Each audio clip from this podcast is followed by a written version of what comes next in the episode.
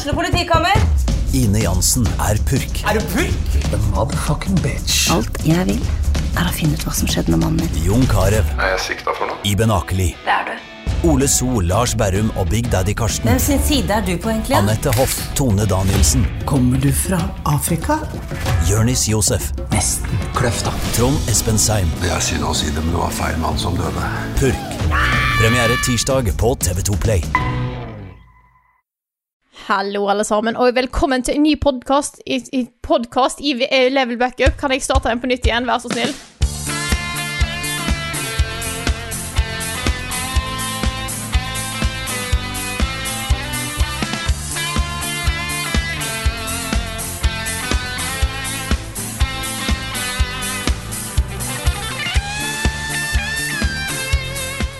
Alle sammen, og velkommen til en ny episode av podkasten Level Backup med meg, Frida Danmo. Og denne gangen her har jeg med meg en hel gjeng med bra folk. Det er altså Karl Martin Hogsnes, Rune Fjell Olsen, Jan Martin Svendsen og Niklas Halvorsen.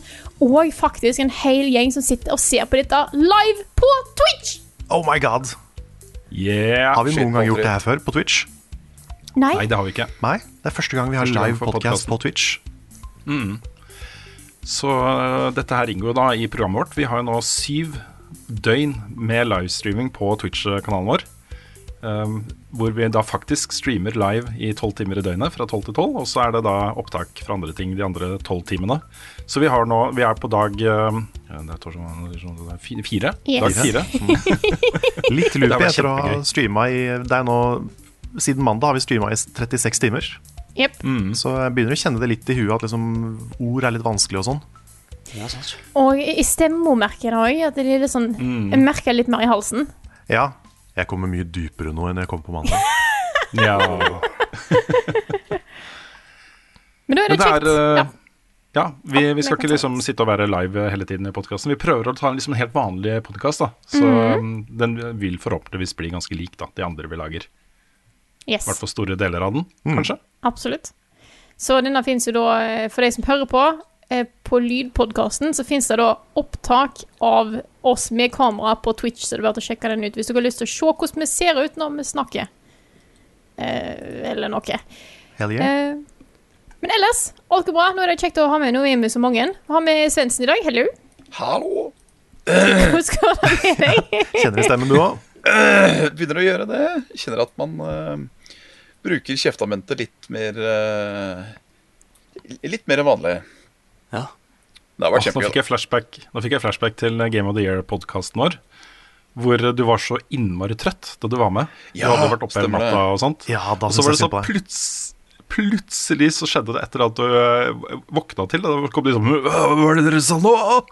Ja, stemmer. Det var veldig morsomt. Det var en, det var en røff natt.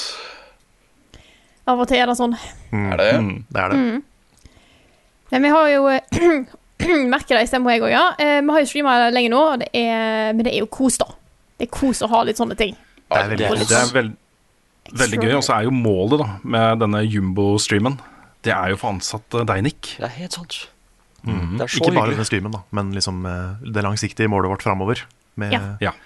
Så kanskje vi finner på andre ting etter hvert for å prøve å nå det målet også. Mm. Uten tvil. Nei, for det, det hadde vært eh, dødskult å få til også. Og så vil jeg bare si en ting til som har skjedd den siste uka, og da er at vi har jo endelig lansert vår egen webshop. Yes. Det er sant. Det er sant. Vi har lagd en spreadshirt-butikk. Den er på shop.spreadshirt.no slash levelupnorge. Der har vi lagt ut masse kule eh, design. Hva er det de har å velge mellom, Carl? Oi, det er så mye nå. Ja. Du kan få en T-skjorte med Hadeland Badeland-syden. Du har selvfølgelig den klassiske Level Up-logoen. Den kan du få. Og så har vi, vi har en eh, Soulmates-logo, som da har Det er teksten til Dark Souls, men det står 'Skurulla'. Vi har Yes. en NAC-T-skjorte, og ikke minst et NAC-forkle. Så du kan lage mat Yes. med NAC på. Og øh, vi har Magnus i Furua sitt cover. Så det, Yes. det, det fiktive spillet Magnus i Furua. Og jeg har lyst til å spare den vi lagde i går til slutt, men er det noen jeg har glemt nå? Vi har eh, Gutta folkens. Vi har Ja. flere kaffekopper. Mm. Det er Det er så sant. etterspurt. Det er helt sant. mm. Men vi har jo også da den vi lagde i går. Og Yes. jeg har lyst til å ta en liten sånn digresjon på det før vi kommer, kommer ordentlig i gang med podkasten. På. Fordi eh, jeg var litt nervøs for den streamen i går. Den, eh, den JRPG-workshopen, for vi har aldri hatt en sånn workshop-stream før. Men det var gøy, ass. Det var det. Det var så gøy, og folk leverte så bra. Det var jo mulig for chatten å bare eh, sende oss tegninger, som var en del av det konseptet vårt, til et uh, japansk rollespill. Faith of Engine, som vi har diskutert i podkasten et par ganger før. Yes. Og uh, bare det å se det liksom renne inn kunst, ass. Det, var, Ja, det, det føltes som sånn der community coming together to make art, damn it. så det var, det var ordentlig gøy. Så jeg, ble nesten, jeg fikk nesten litt sånn klump i halsen av å sitte der og bare se alt som kom inn. Så det var kjempe, kjempe, kjempekos. Det er et av høydepunktene mine så langt. fra den streamen Folk her. er helt vilt flinke, og så sinnssykt kreative. Ja, fy fader. Jeg så til og med det har kommet inn en ny, eh, en ny tegning av Trinity Engine i Discord-chatten i dag, Oi, som var helt amazing. Så da, den har jeg ikke sett den. Nei, så der må vi ta en kikk senere. Hell yeah. Men ja, angående den T-skjorta Ja, for du, du kan jo nå få en T-skjorte med logoen til spillet. Faith of Engine, som ikke fins. Men ja. Det er herlig også. Jeg er så glad for at vi har muligheten til å nå bare snu oss rundt og lage nye designs på ting. At ikke det bare er en sånn stor, omstendig prosess. Nei, da må vi bestille opp eh, 40 000 T-skjorter for å få liksom en grei stykkpris, sånn at vi Ikke sant? Nå kan vi bare lage et kult design, og så kan vi få det rejecta av Spreadshirt en tre-fire ganger, før vi da klarer å laste opp en versjon som de aksepterer, og så er den ute for salg. Yep. Stemmer. Så det er verdt å sjekke den ut. Der er det masse, masse knask. Eh, og det er flere, mange flere produkter enn vi har sagt nå. Altså både flere kopper og capser og genser. Vi har jo 71 grader eh, Noscope-logo eh, college-genser. Stemmer. Det er så mye gøy. Det er, det er en fordel når du bare kan gå inn og bare trykke på alle produktene du har lyst til at uh, jeg skal lage lo- logoen vår på. Så check a look. Ukens hotteste. Og denne ukas Ukens hotteste er en ganske heit sak på aksjemarkedet, Rune. Ja, det er en eh, virkelig hot potato, og det er jo eh, på en måte den eneste grunnen til at vi kan snakke om det her, er jo at det er jo aksjen for GameStop Ja. som er eh, i vinden. Så det er liksom litt spillrelatert, da. Men det er litt, men det er litt er- sånn Please explain it to me like I'm five her. Fordi Ja. det er mange som ikke helt skjønner hva som skjer, inkludert meg. Nettopp. Jeg har jo brukt nå store deler av uka på å gjøre research her, og sette meg inn i noen uh, greier som jeg i utgangspunktet ikke forstår uh, så godt. Eh, det overbyggende her er jo litt spennende, fordi dette er jo på en måte en Alt det som skjer nå, må ses i lys av det som skjedde i 2008 og finanskrisen, og hvordan eh, finansinstitusjoner og eh, hedgefunds og sånne ting fucka økonomien til folk, vanlige folk. Det er mye derfor det skjer. Men jeg tenkte å starte med en sånn gjennomgang da, av prosessen her. Hva som har skjedd med GameStop det siste året. Bare for litt sånn kontekst og sånne ting. Eh, og det første som skjedde, var jo selvfølgelig at GameStop-aksjen den sank jo som en stein. Eh, det er jo ikke så lenge siden de la ned alle de 29 butikkene de hadde her i Norge. Masse andre butikker som er lagt ned. Eh, dette var liksom en sånn gammel verden-virksomhet som var moden for nedleggelse, på en måte. Altså, det gikk skikkelig dårlig, og det gikk bare én vei. Kjempelav aksjekurs gjennom hele fjoråret. Men på høsten så var det noen investorer som tenkte at hei, hei, GameStop er jo en brand, liksom. Er, folk vet hvem de er og sånne ting.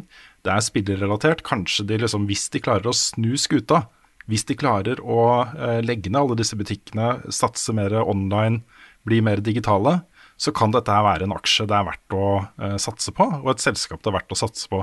Så det var en del investorer som begynte å kjøpe GameStop-aksjer, eh, med på en måte klar beskjed til GameStop om at her er, dere må legge om virksomheten deres, osv., osv. Eh, Og det som skjedde da, var at der satt det da hedgefunds rundt omkring. Og dette er hedgefund er kort fortalt en gruppe mennesker som forvalter sjukt mye penger de kan legge ut på aksjemarkedet, hvor da normalt sett små svingninger gjør at de tjener store summer. Um, så da satt det da hedgefunds overalt og tenkte nei, det stemmer ikke. Den aksjen her kommer til å synke og synke og synke. De, eh, GameStop kommer til å gå konkurs. Så det de gjorde da, det var at de begynte å shorte denne aksjen. Og for å forklare hva shorting er, så tenkte jeg å sette over til vår finansanalytiker Niklas Halvorsen. Oh god. Eh, var det her igjen, da? Jeg har satt meg inn i det, jeg, hvis det er noe eh, Ja, da, jeg vet det, Ja. altså. Jeg vil bare Ja, altså, jeg jeg veit jo så klart, men hvis Frida veit det, så kan jeg jo høre. Å shorte en aksje er òg at du Du vedder på at aksjen kommer til å gå nedover. Og det som, regel, det som jeg tror som regel blir gjort, er at du låner masse aksjer fra, fra de du skal shorte, på en måte. Du låner aksjene og selger de til de pris, den prisen det er der og da. Og så eh, sier du at innen en viss tid så kommer aksjen til å synke så og så mye. Og på det tidspunktet da, så må du eh, kjøpe tilbake inn aksje du har lånt. Og forhåpentligvis har du da tjent penger. Så det er basically en revers aksje Altså det er et, et aksjemarked i revers. Ja, for vanligvis så kjøper du, du Planen er å kjøpe lavt, selg høyt. Men her skal du selge ting du ikke har, for en høy pris. Få inn masse penger. Og så skal du kjøpe inn igjen senere, men da må du bare kjøpe det for litt av prisen. Eh, og så på en måte gir du tilbake det du har lånt.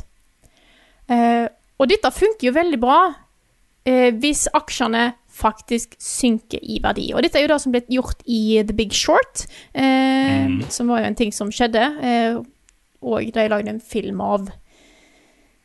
Så, eh, Stemmer det. Ja, så det er rett og slett en måte å lure systemet. Noen syns det er litt shady, fordi at du, du prøver å vinne på at andre taper, på en måte.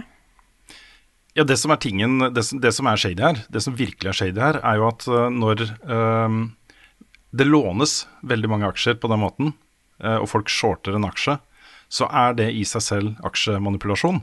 Fordi da blir det uro i markedet, og så vil liksom prisen synke. Folk får litt panikk og begynner å selge, og når folk selger, så går aksjekursen ned. Så de er på en måte med på å eh, oppfylle den profetien. da. Men det som er eh, risikoen her, det som er gamblinga med shorting av aksjer, er jo at dersom den går opp, så har du for det første en dato som den aksjen du har lånt skal leveres tilbake. Og for det andre så er det renter.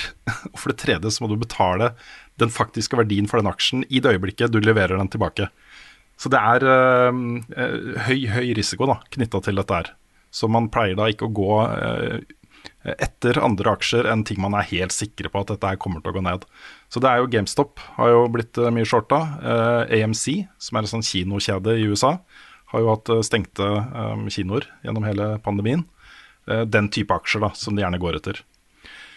Så det er jo um, uh, kompliserte greier, liksom. Men, uh, men på en måte det motsatte av normal aksjekjøp og salg, da. Ja, Så det virker da. jo som et safe bet for, Ja. for eh, hedge. Men, Ja. det, men det er jo noe med det at det handler jo om å bryte ned framfor å bygge opp, ikke sant? De gambler på folks ulykke, og det som skjer, er at de kjører selskaper ned i grøfta. Nettopp. Og gjør de konkurs, på en måte. Og så, de, så sitter de der og blir rike fordi noen har gått konkurs.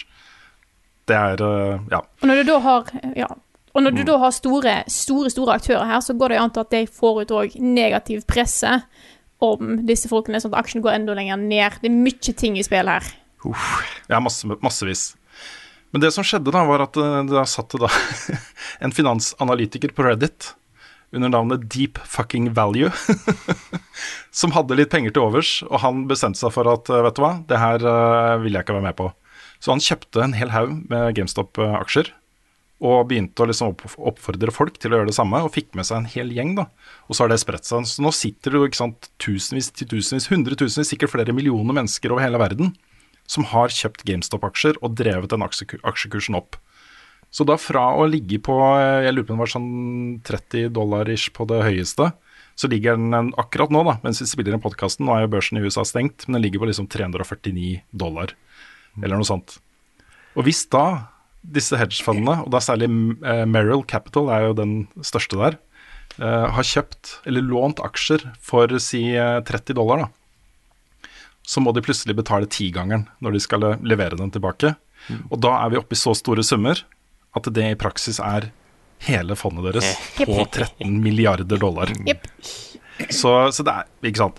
Det er masse fram og tilbake nå. Den kursen kan gå ned igjen. Folk kan få, De som har kjøpt disse greiene, mange av de sitter jo nå og har råd til å kjøpe seg hus og båter og biler og alt mulig rart, liksom, for de har tjent så sjukt mye penger. Hvis de begynner plutselig å selge seg ut, så kommer det til å og så går prisen rett i bånn igjen. Så hele R slash Wall Street Bet som starta dette her, på en måte, de sier jo på en måte, hold på aksjene. Ja. Eh, I hvert fall sånn Fordi at hvis alle selger seg ut nå, så vil det gå ned, og da, går, da får ikke det hedgefund sånn samme smellen, da.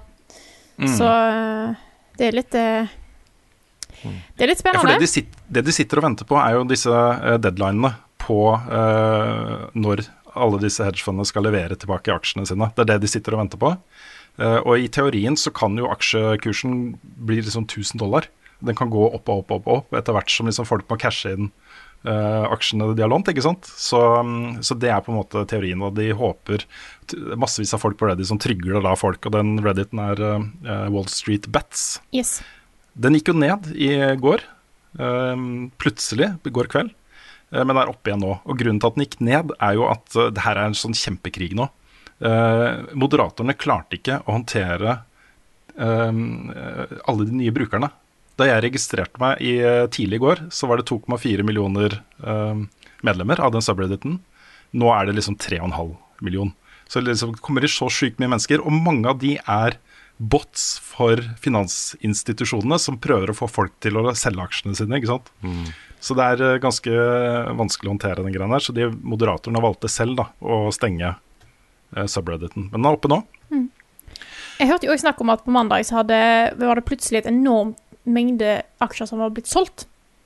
Og da går jo de er usikre på en måte hva som har skjedd, om noen har solgt seg ut, eller om det er de store fondene som begynner å selge og kjøpe aksjer til hverandre for å få salgsvolum til å gå opp, for å få noen til å prøve å selge. Ja, nei, det er, det er en sånn der game of chicken dette her nå. Og mm. øh, amerikanske myndigheter er involvert. Den nye finansministeren i USA eh, sitter og studerer saken. Eh, sjefen for eh, Nasdaq, som er en av de to børsene der, eh, har gått ut og bedt om at, at trading med GameStop-aksjen må stanses. Sånn at disse finansselskapene skal få muligheten til å regruppere og finne ut hva de skal gjøre, osv. Det, er- begynner å bli litt politikk i dette her. Og det er jo litt den derre finanseliten mot eh, folket, på en måte. Dette er Ja. en sånn grasrotrevolusjon. Det er det som er morsomt, ikke sant? Fordi nå har en gjeng med folk på Reddit klart å på en måte virkelig sparke noen av de rikeste folka i verden i, i balla. Og, og folk svetter litt, og det, liksom, det er jo gøy. Og de som lider av dette, her er jo folk som har sånn fem pluss båter, ikke sant? Ikke alle, det er ikke alle kanskje, men mange. Og så er det litt interessant, for da får du opp Du får litt eh, diskusjon rundt disse tingene. Fordi at det er veldig mange av disse store finansaktørene som gir mye shady greier. Ja. Og så kommer eh, private folk fra R slash Wall Street Bets og snakker om stonks, eh, og driver disse her ned i bakken. Og plutselig så snakker folk over Wall Street om nei, vi må få inn masse reguleringer og greier. Ja. sant? Fordi at de, Ja, ja, ja. de innser at dette her er et problem for deg. Alt dette, alt dette her med fritt marked og meritocracy, det er jo bare bullshit. Det er uh, folk som sitter på toppen og har altfor mye makt. Ja, og den eh, finanskrisen i 2008, som også var eh, Big Short-filmen og de tingene der, var jo en del av det. Den påvirka jo eh, amerikanerne kanskje mer enn noen andre. Eh, hvis du har lyst til å spille et spill basert på finanskrisen, så kan du jo, bare for å pensle litt inn der, så er jo Kentucky Route Zero er jo direkte inspirert av finanskrisen eh, i 2008. Og det, det påvirka livene til folk. Jeg har lest masse tråder på, uh, på Reddit, i den uh, Wall Street Bets-redditen, med folk da som forteller sine private, personlige historier uh, om hva som skjedde i 2008. Eh, med um, folk som levde på suppe lagd av ketsjup i et år. Sånne ting, liksom. Og som, som ikke hadde jobb. Eh, Og det er det er, det er jo helt krise at eh, på en måte noen få mennesker kan sitte og holde på på den måten. Og Jeg ser nå også at uh, under uh, covid-pandemien så har um, finansselskaper rundt omkring i verden tjent Og nå vet jeg ikke hva det norske er, men det, var- det var 3,9 trillion dollars. 3,9 trillion dollars. Er det liksom billioner? Ja, hva er Nei, en, Hva er en jo, for at, jeg husker ikke hva som kommer etter, for at du har jo million, milliard Jeg lurer på om det er trilliard, men jeg er usikker. Ja. Men det er i hvert fall Det, den, det er mer enn milliard, Ja. og det er i dollar. Eh, mens da eh, vanlige folk er, har anslagsvis tapt 3,7 trillion dollars. Den, det er pussig da, at den summen er ganske lik, er det ikke det? Mhm. Så ja, dette her er, dette er um, å ta fra de rike og gi til de fattige litt da, også. Ja, selv om mange gir jo også til seg selv, på en måte. Men, men det er noe med Ja, ja. det å Altså, Ja, og hva, hva er ordet jeg ser etter? Å dele ut økonomien på nytt, hva heter det? Re, re, re, Um, Om, omfordeling. omfordeling av økonomien. Det var ikke det ordet jeg så etter, men det funker. En billion er det som kommer etterpå. Billion kommer etterpå. Yes. Billion. Og så er det jo eh, Redistribution sies ikke. Sorry. Nettopp. Men så er det masse sånne sideting her ikke sant, som, er, eh, som jeg syns er litt fascinerende å følge med på. Det ene er jo hvordan, um, hvordan eh, denne saken blir håndtert da, av, av store finansmedier. Som da tydeligvis de er på, de er, Mange av de er på hedgefondene sin side. og Går aktivt inn for å uh, stanse dette her og um, få liksom de til å fortsatt eksistere og livsrett og sånne ting. Masse krangling om hvordan hvordan dette kan være forskjellig eh, fra hva hedgefondet gjør. For det er jo mer eller mindre den samme tingen som skjer her. De manipulerer en aksje uh, på noenlunde samme måte. Um, og der kommer det til å skje en del regulering, tenker jeg da. Uh, det er også innmari morsomt i denne saken at Elon Musk har jo blanda seg inn. Og det er jo mye fordi dette selskapet her, Merrill Capital, de har jo vært og shorta Tesla-aksjer nå i årevis. Og driver jo og, kødda med aksjekursen hans, ikke sant. Så nå er jo Elon Musk også Han er jo helt med på laget da, til eh, Reddit her. Så um, er det også interessant å nevne at en av de største, den tiende største eieren av GameStop-aksjer, er det norske oljefondet. Ja. De er tidlig til på ballen også. Men eh, de, de har hatt det en stund, har de ikke det? Jeg syns jeg så noen som skrev at eh, vi hadde 2,5% i 2019. Ja da, så det, det er bare opp til 2,6 nå, liksom. Så eh, de har vært med en, en stund der. De eier jo, de eier jo liksom 2,6 av nesten alt i hele verden, tror jeg, da. Ja. Det er ikke så uvanlig at de er, eh, er inne der. Men uh, vi har jo et moment, eh, et poeng her, som jeg syns også det er verdt å bare løfte litt opp. Og det er jo, her har du altså memelords og Reddit-troll som eh, kan eh, knuse finansselskaper verdt eh, 13 milliarder dollar eh, bare ved å aksjonere og samle seg om, det samme målet. Og det er liksom dels for, eh, for eh, aksjebiten, men også dels liksom for the lulls. Som er det samme tingen du har sett med 4chan og um, mindre hyggelige ting, da, for å si det sånn. Dette er jo et verktøy, et, et sånn revolusjonært verktøy, som også kan brukes uh, uh, til bad shit. Og det er, det er jo litt skummelt å tenke på. Du, her kan det liksom sitte folk og mobilisere på denne måten uh, med så dramatiske utfall. Hva blir det neste? Det er mye innflytelse internett har, altså. Og, så det er jo på en måte både skummelt og kan brukes til gode ting innimellom. Eh, så det, det, er litt, eh, det er litt farlig. Og så er det spennende når det plutselig hopper inn forbi spill eh, sin verden. Mm, det er helt sant. Ja, nei, nei, I dette tilfellet her så føler jeg at folket er jo veldig the good guys. Uh, men, men ja, det er mange, mange fæle eksempler på internettaktivisme som ikke har vært bra. Mm. Da, akkurat nå så er liksom hele situasjonen litt sånn panikk, kaos. Eh, hva, hva blir det neste? Det er en del deadlines nå på fredag. Så det er på en måte den første store deadline. Eh, folk blir oppfordra om ikke selge, i hvert fall før det, liksom, for å se hva som skjer da. Um, men dette her kommer til å pågå en stund, tenker jeg da. Eh, så, så det er bare å følge med. Jeg vil også bare eh, til slutt nevne at eh, denne subredditen, Wall Street Bets, hvis den går ned igjen, så har de oppretta en offisiell Twitter-konto. Også moderatorene på den eh, Redditen har oppretta en offisiell Twitter-konto. Og det er ikke så lett å finne offisiell informasjon fra den Redditen hvis den går ned. Hvor finner man informasjon? Hvor skal man finne informasjon om hva som faktisk foregår, da? Eh, og hvordan det mobiliseres.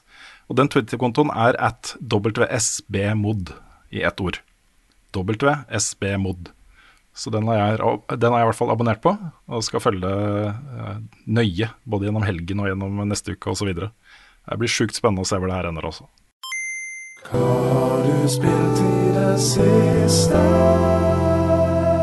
Nå har vi jo spilt veldig mye forskjellig på stream, eh, som folk har sett, men vi har jo litt ting å snakke om likevel. Rune, du skal snakke litt mer om et spill du snakka litt om forrige uke. Ja, stemmer det. Det er jo da Hitman 3 som eh, er jo det hotteste fra siste uka, liksom. Den største tingen som har kommet ut. Uh, som jeg da hadde spilt lite grann. Men uh, siden den gang så har jeg jo uh, spilt gjennom det. Anmeldt det for NRK. Ga det terningkast fem. Og um, ble jo bare mer og mer sikker på underveis at dette er så bra Hitman uh, kan bli. Også det er det beste Hitman har vært i løpet av de 20 årene uh, den serien har eksistert. Da. Det kan jo være litt delte meninger om akkurat det der, fordi noen foretrekker jo den hakket mer hardcore tilnærminga i Hitman 1, og særlig da 2 og 3. Um, men jeg mener dette er en sånn perfekt miks av ja, jeg kan forstå uh, hva jeg skal gjøre her, uten at jeg blir liksom holdt for mye i hånda, og eh, bare finne ut av ting på egen hånd. Du kan liksom velge master vanskelighetsgrad og få veldig veldig lite hint, da, og da blir det ganske likt som det var eh, i starten av serien. Eh, og så kan du spille som casual og bare få en fet uh, uh, assassination-historie med utrolig festlige likvideringer og kule kostymer og absurde situasjoner og herlige dialoger og Eh, fantastisk vakre lokasjoner og sånne ting. Da. Så du får hele spekteret. Og jeg syns det er gjort på en utrolig god måte. Da. Så dette er jo en sånn derre sånn slags sånn drapsfornøyelsespark, hvor eh, du kommer inn på sånne enorme, kjempestore områder. Eh, og så må du liksom finne ut av hvordan Du vet hva målet er, men du vet ikke hvordan det skal tas. Og så har du mange forskjellige eh, muligheter. Og ah, de er på en måte bygd opp da mye som sånne historier sånne små historier du følger da, fra punkt til punkt, som ender da med at du tar uh, livet av de du skal ta livet av. Det er bare slemminger, ikke sant. Du skal ikke drepe noen uh, innocent bystanders eller noen sånne ting. Det Målet er jo ikke bli oppdaga. Uh, eh, komme deg unna uten å bli oppdaga, og bare drepe det ene målet ditt. Jeg, jeg syns dette er så bra, altså. Det er uh, amazing. Og så er det jo også sånn at dette er jo en trilogi. World of Assassination. Så hvis du ser nå på menyen på Hitman 3, du har bare kjøpt Hitman 3, så får du opp prologen, Hitman 1, Hitman 2, eh, bonus missions, du har en egen sånn sniper challenge. Du har uh, uh, masse greier da, som pakkes inn i en sånn svær verden av greier å gjøre. Så dette er Har du ikke spilt noen av de tre spillene her og syns det er litt fascinerende, så er du god damn, altså. Dette er en bra pakke. Så uh, ja er allerede en tidlig, en tidlig kandidat til topplista mi for 2021. Dette her, altså. Såpass, ja. ja. Altså ikke kanskje helt på toppen. Jeg antar at det kommer ting som jeg syns er enda bedre, men dette er veldig bra, altså. Jeg ville nok gitt det i hvert fall åtte av ti, sånn kanskje også ni av ti hvis jeg skulle anmeldt det for, uh, for Level Up. Da.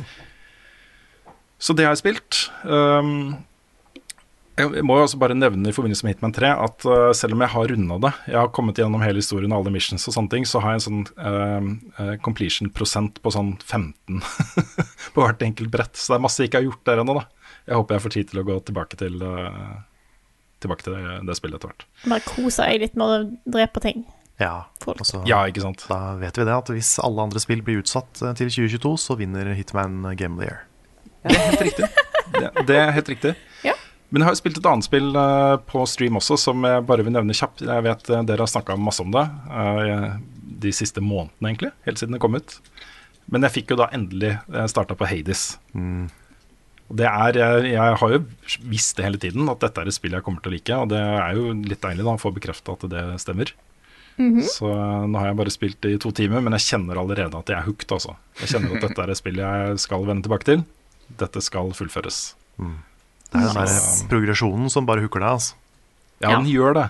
Den gjør det, Og du er i gang igjen med en gang, ikke sant? Mm. Mm. Og du har fått med deg litt kult stæsj, og du kan liksom fortsette litt sterkere enn du var, og tenker at ja, ja denne gangen så klarer jeg sikkert å ta det hun bossen der, og sånne ting, liksom. Du får den derre mm. Du er så kjapt i gang igjen med alt. Ja, for man, man skulle liksom tro at det å dø er kjipt, og det er jo på en måte det, men samtidig så er det sånn ok, nå, får, nå kommer du tilbake til starten, du får masse ny historie, du får masse nye upgrades. Så du har liksom noe å se fram til på starten av hver gang. ikke sant? Mm, og da, da, blir det ikke så kjipt å starte på nytt. Og jo flere ganger du starter på nytt også, det her har jeg jo bare fått en sånn liten forsmak på, men den derre følelsen av at ok, i neste rom, hva som helst kan vente, da. Kanskje jeg får den upgraden der, den digga jeg skikkelig. Det var det gøy å spille med. Kanskje jeg får den. Mm. Eller kanskje jeg får noe nytt da, som du ikke har testa ennå, som du er spent på. Det er den derre forventningen til hva som kommer, yeah. som er innmari sterk, altså. Mm. Helt sant. Det er så mye så, innhold der. Herregud. Mm. Ja, det er nydelig. Og jeg må også trekke fram den tingen som dere har snakka mye om. Men voice-actinga og karakterene i dette spillet her er så top notch, altså. Det er så utrolig presist og riktig eh, og vellaga. At det, bare det er nok da, til å få en sånn skikkelig god følelse når man uh, spiller det. Det er nesten jeg lurer på om de har, laget, om de har brukt sånne ASMR-mikrofoner. Ja. Fordi de, de, de er så veldig sånn du, du hører liksom hver eneste lille Ja, lille bit av stemmen. Mm. Og spesielt Megaron når hun hvisker. Det er sånn, der, det er sånn rar sånn ASMR-greie. Ja. Er det egne ASMR-mikrofoner? Ja, det tror jeg.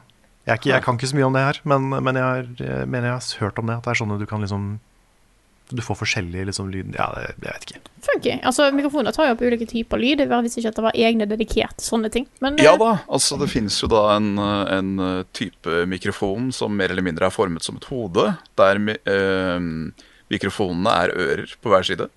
åh, Ja. Så da får du sånn dynamic sound at hvis du da hvisker inn i venstre øre, så hører du det bare i venstre øre. ja. ikke sant. OK. Ja, Ja. men eh, mikrofonteknologi er kult. Kan jeg nevne bare én ting som, eh, som ikke er ting jeg har spilt i, i det siste, og som ikke er spill engang? Du, Fordi jeg glemte å nevne det forrige uke. Nei, for Jeg snakka om alle de TV-seriene jeg hadde sett uh, den måneden jeg hadde vært uh, borte. Og Jeg glemte jo å nevne Kni- Queens the Gambit, Queens Gambit, TV-serien. Ja. Eh, og det, det er litt synd også, fordi den var jo helt amazing. Den var kjempebra. Så hvis du eh, har fått eh, smaken for sjakk etter å ha sett eh, oss streame det, dvs. Si eh, Carl og Nick, så er dette da en serie om sjakk. Jeg kan ikke huske at vi streama sjakk. Hva har for Aldri hørt om. Så, men nei, Den var fantastisk. Den digga jeg så godt også. Det er en utrolig flott historie. eh, Veldig, veldig godt fortalt. Med skikkelig bra skuespill og den der spenninga som altså Dette er jo litt en sånn en sportsfilm, da. Altså sånn eh, Jeg er litt glad i den der, hvor du har på en måte Du jobber opp mot en finale i Champions League eller hva det skulle være, OL eller et eller annet. da Eh, Den har litt den der samme filen, samme stemningen. Og det er sånne, sånn kan jeg like. Derfor er jeg så glad i Friday Night Lights, en annen sportsserie som er eh, fantastisk. Men eh, få med dere den hvis ikke dere har sett den. Takk for meg. Da gir vi ordet videre til, til Svinsen. Hallo, hallo, det er ikke Anna Dagsjo. Ja. Jeg har jo da vært hos, eh, vært hos Carl på en liten eh, Oslo-visitt. Det har du, altså. da, da fikk jeg med meg eh, vindumaskinen PlayStation 5 i hus. Og Nice. selv om jeg liksom hørte all hypen om Astros Playroom, at det bare var sånn Det var liksom kos fra en til annen, så var ikke det hovedsakelig på radaren. Det var jo det å få eh, Bloodborne inn på ny igjen, og spille Demon's Souls-remaken. Ja. Som eh, begge to har vært en eh, forlystelse uten like. Men så tenkte jeg da at ja, kanskje jeg og romkameraten skulle, skulle prøve noe litt felles. Så vi liksom fikk litt følelsen av Av hvordan det var å bruke kontrollen og alt det der. Så da, da fyrte vi opp Astros Playroom. Og det var kos, altså. Det er jo det er jo gimmick-lag på gimmick-lag på gimmick-lag, og det tror jeg jaggu meg er, eh, er meninga òg, for å liksom få, få filen. Hvordan gyron funker, adaptive triggers, um, vibrasjon og det hele. For der vibrerer jo kontrollen annerledes fra hva slags underlag du går på. Ja. Det var jo ASMR for henda, mer eller mer. mer eller mindre. Så der satt vi liksom og smålo for oss sjøl under hele av de to verdenene vi fikk tatt. det. Og alle easter eggsa som er igjennom uh, cameos og blir filmet av uh, disse Astro Boysa og hele pakka, det var åh. Det var bare feel good fra ende til annen. Bortsett fra den hersens uh, rakettstyringa. Den fikk jeg ikke helt til å stemme. Å nei. Nei, det synes jeg var vanskelig. Jeg, jeg syns den var Jeg ble litt sånn sjokka uh, under den. Fordi det var sånn Dette er jo mye mer presist enn de andre gangene jeg har styrt på den måten i andre spill. Med enten da uh, PlayStation Move eller eh, WeMotes eller Joycons. Ja, for jeg også følte det, egentlig. Men jeg, jeg sleit er mer med han apen. Vi er for dårlige at vi er for dårlige at styrer rakett. Ja, den apen, var det den, apen den bare ja. naila han romkameraten Jørgen på første forsøk. Å. Jeg satt bare tilbake og Jøss, du, har- du har svingt fra en liane før, du, skjønner jeg. Apekatt. Men uh, ja, så det var eh, til å være på en måte tech-demoen til, til maskinen, så er det noe mer av det forseggjorte jeg har eh, spilt i nyere tid. Det er helt nydelig. Det var var det er rett og slett nydelig. Det er en liten Astro-boy som eh, sitter i det laborommet og, og bygger Nack. Ja, Det altså er veldig gøy. bare kos. Ja. Nei, ellers så øh, har jeg spilt Demon's Souls, selvfølgelig, og det, det var jo akkurat like flott som jeg hadde trodd det skulle være. Fikk jo en liten øh, innføring hos deg tidligere i, uh, i fjor. Eller på Stemmer. slutten av fjor. Og uh, det var jo min første character igjennom med Denga Boys òg, så det var, det var Det var good times. Ellers så er det jo uh, ikke så voldsomt mye som skjer ellers. Uh, jeg har spilt mye WoW, selvfølgelig. Jeg driver og cruncher meg gjennom denne anmeldelsen, som viser seg å være forferdelig vanskelig å lage. Uh, spillet er på et veldig bra sted. Eh, Det er bra, da. Og jeg er litt sur på meg sjøl for hva jeg, har, eh, hva jeg har gjort på tidligere anmeldelser. For jeg har vært altfor uh, Kall det fanboy av, eh, av eh, spillet tidligere. Og har kanskje ikke eh, gitt det nok tid før, før jeg anmeldte. Eh, jeg ga jo da ni ut av ti til Warlords of Draenor, og det tror jeg alle vil si at jeg tok feil i. Det, det er jeg helt enig i sjøl. Det er jo Altså, MMO-er er jo vanskelig å anmelde, spesielt tidlig. Det er det, og jeg tror jeg skal gjøre det som en standard fremover. At jeg, jeg bruker ikke en uke på å spille et MMO, og så sier jeg meg fornøyd. Jeg mm. ser om det faktisk eh, klarer å ha noe når du kommer eh, litt ut i spillet. Om det kommer noe decent med content patches og, og sånn. Og enn så lenge så ser Shadowlands ut til å være i et veldig, veldig bra sted. Det er eh, ganske spennende story. Um, de uh, retta opp veldig mye feil, som de gjorde i um, I uh, Ja, nå har jeg allerede glemt navnet på den. Uh, Battle of Azeroth. Uh, og det, er et, det er et par steg tilbake, men, men sånn blir det alltid. Men generelt sett så tror jeg WoW er i et bedre sted nå i retail enn det det har vært på veldig lang tid. Det er litt kjekt å høre. Jeg har hørt en del positivt fra det her hjemme òg. Yes. Så det er kjekt når de klarer å fikse litt opp i de tingene som de har gjort feil. Ja, det må vel bare innrømmes at Blizzard har vært i litt hardt, hardt vær i det siste. Så det er, eh, det, er, det er fint å se at de klarer å tyne frem noe godbiter allikevel.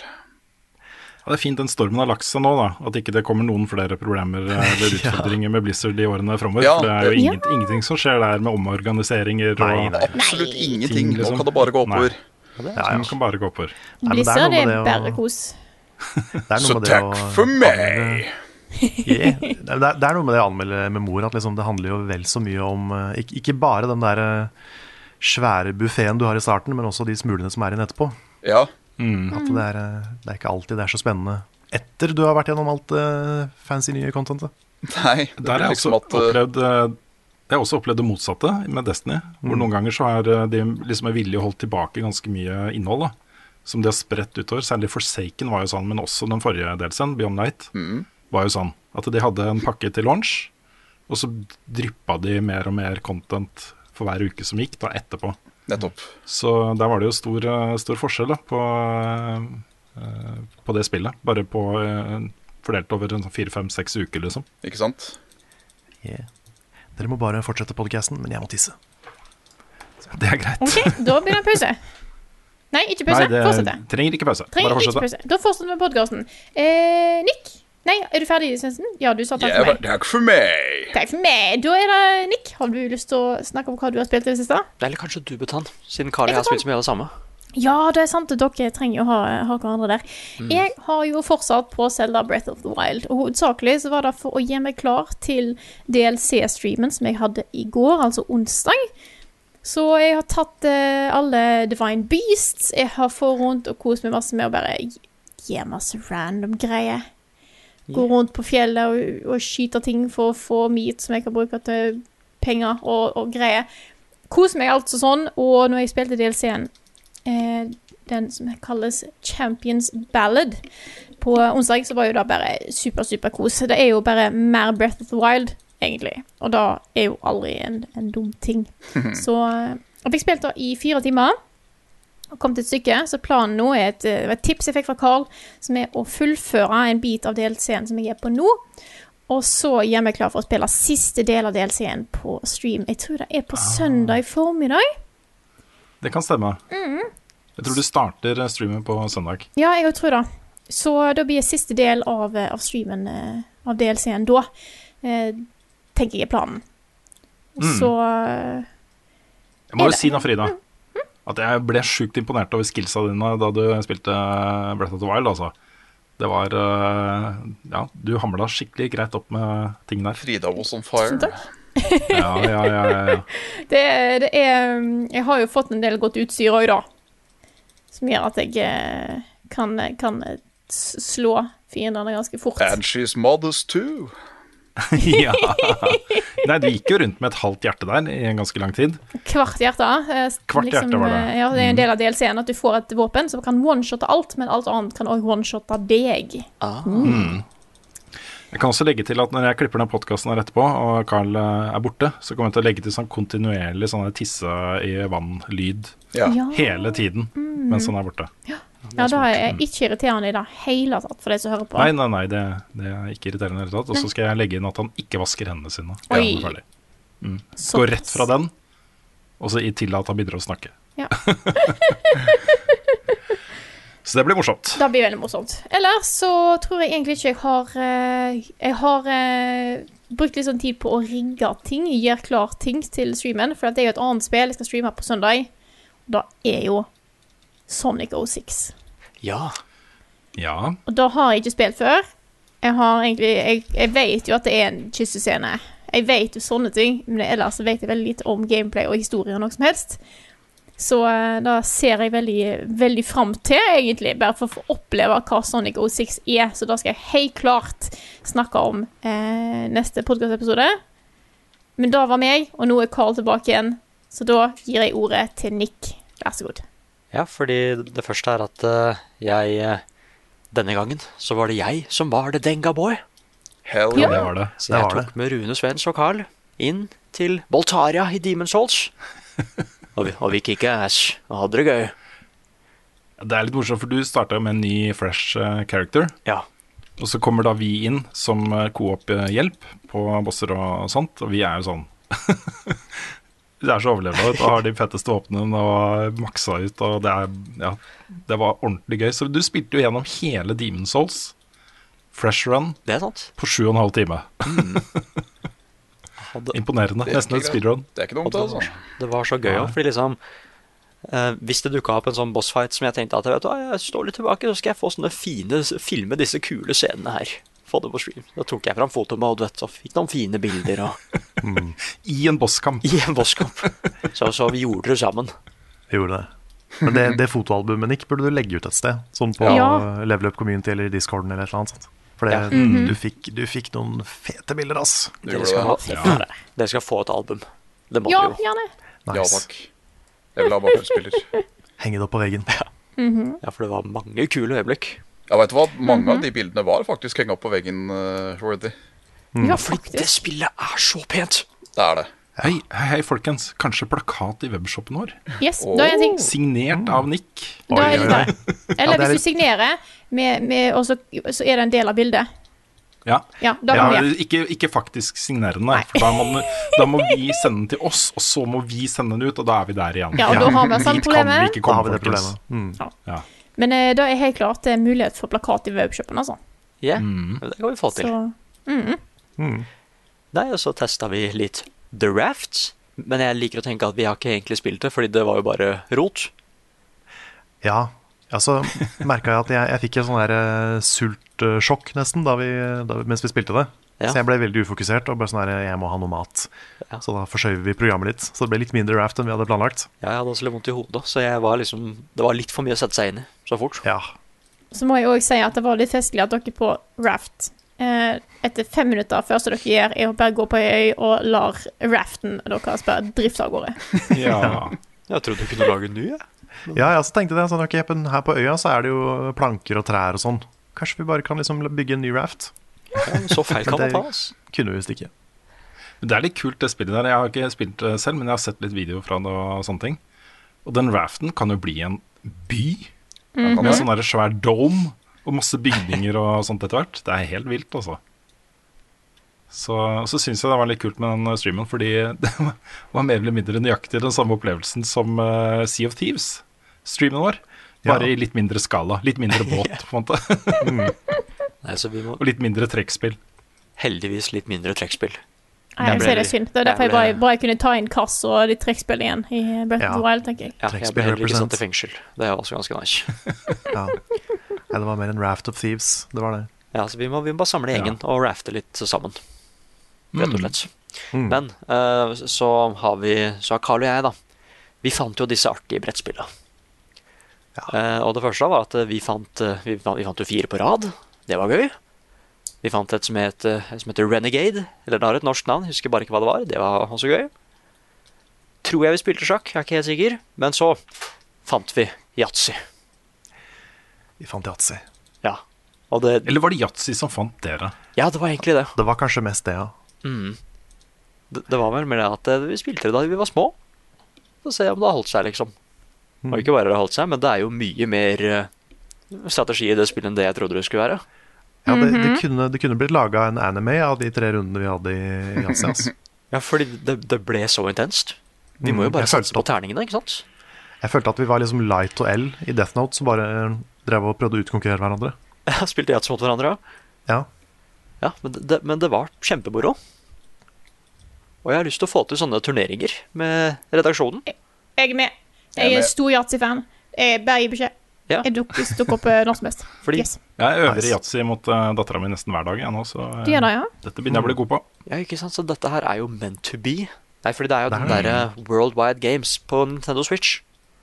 Der du har mange sånne brettspill og sånn. Uh, jeg kunne ønske at vi kunne spille f- eh, flere enn to stykker på yatzy der. Det er det eneste negative, liksom, med det. Ja, hva er grunnen til å liksom Hvorfor skal de gatekeepe yatzy, liksom? Hvorfor skal de, hvorfor skal de si maks to spillere? Ja, Det er et spill du kan være så mange du vil på. Ikke sant? Godt spørsmål. Nei, så Derfor må vi lage denne turneringen. Mm. Rett og slett. Otello var det, det andre navnet for eh, Renegades. Otello, ja. Det er gøy. Mm. Det var gøy. Folk lurer på hvorfor eh, det heter Renegade Det er veldig mange rare navn på 51 Worldwide Games, fordi det er sikkert noe copyright eller noe sånt inni der. ja, da er det nok Ja, men vi fikk jo beskjed i chatten om at uh, yacht er faktisk et spill. Altså Ja. en eh, variant av yatzy. Yacht som var kanskje det originale yatzy eller noe sånt? Ja, Ja, et eller annet sånt. The First Yatzy. Mm. Mm. Ja, så igjen så kan- spilte vi kanskje sjakk, men jeg er ikke sikker. Nei, vi skal i hvert fall ikke spille sjakk igjen på stream. Nei, hvis vi spilte det, så skal vi ikke spille igjen. Nei. Herlig. Jeg vi har fått en korrigering i chatten, forresten. Kan jeg bare smette inn det? Ja. Eh, Du kan ikke bygge dome på raft på selve flåta, liksom. Det jeg hadde sett der, var at de besøker en eh, dome by. ah, Hvis du ikke sprer feilinformasjon og korrigerer den så fort som mulig, så vil jeg bare gjøre det. Skjønner, skjønner. Nei, men det var det jeg har spilt. Ja, Carl, har du noe eh, Ja, det, det mest eh, nyhetsaktuelle jeg har spilt, er jo kanskje det jeg spilte på starten av tirsdagen på stream. Det, det spillet som kom den dagen, nemlig Cybershadow. Hell yeah. Ja. Og det er jo da det nye spillet til skaperne av Shovel Knight. Yacht, Yacht Club Games, ikke Yatzy Club, men Yacht Club. og det, det var kult. Det er jo der hvor eh, Shovel Knight er veldig inspirert av Megaman og sånn, så var dette her mer Ninja Guiden. Ja, jeg må Jeg tok eh, og kikka litt på, på streamen, og kikka litt på eh, deler av et speedrun. For liksom Jeg måtte få med meg lydene og musikken og det hele, for det hørte jeg ikke under, under stream. Og jeg nevnte jo det derre Blue Shadows, eller uh, Shadow of the Ninja, som er til Nes. Og det er veldig tydelig at de er inspirert av det spillet. Ok, det jeg ikke spilt. Samme lydeffektene, og det var enkelte av bossene som eh, gikk igjen, og det var sånn ja, ja, ja. Hmm. Nice. Det er mitt desidert favorittnedspill. Oh. Oi. Da må, da må du spille dette her, Sven. det skal jeg gjøre. Yeah. Nei, det, jeg syns det var kult. Det var, det var ikke helt oppå Shovel Night uh, for meg. Så, for det er jo kanskje sånn jeg ville gitt en ni av ti, eller en, i hvert fall en terningkast fem i gamle dager. Um, men det var kult. Det, det var veldig, veldig sånn trofast gjenskapning av uh, NES-style-spill.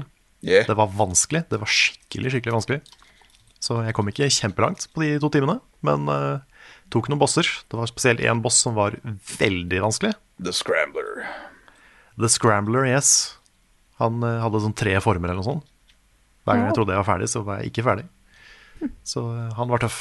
Men um, det, var, det var veldig, veldig kult å oppleve. Så de er jo dritflinke til å lage spill, de Yacht Club-folka.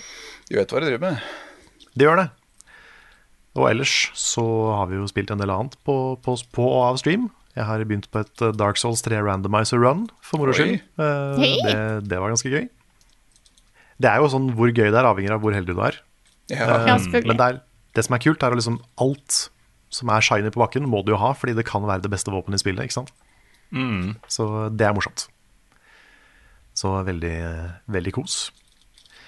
Ellers så, Jeg vet ikke om det er så mye mer å si om de andre tinga vi har streama. Det har vært gøy, og vi har kost oss. Og JRPG-workshopen var et høydepunkt for meg, i hvert fall. Mm. Ja, det er veldig kult. Det der er et spill.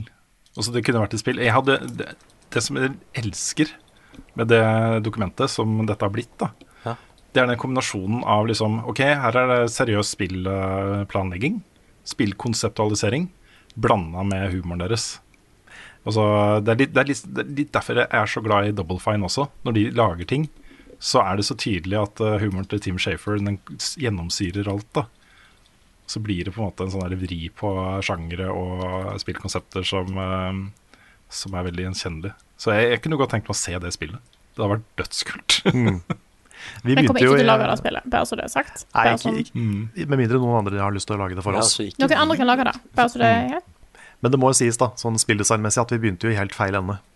Fordi man skal, man skal jo begynne med mechanics og ikke med alt det andre. Og vi har jo bare alt det andre. Ja, det er helt nydelig. Så, mm, så vi, dette er helt feil i forhold til det jeg lærte på, på spilldesignskolen.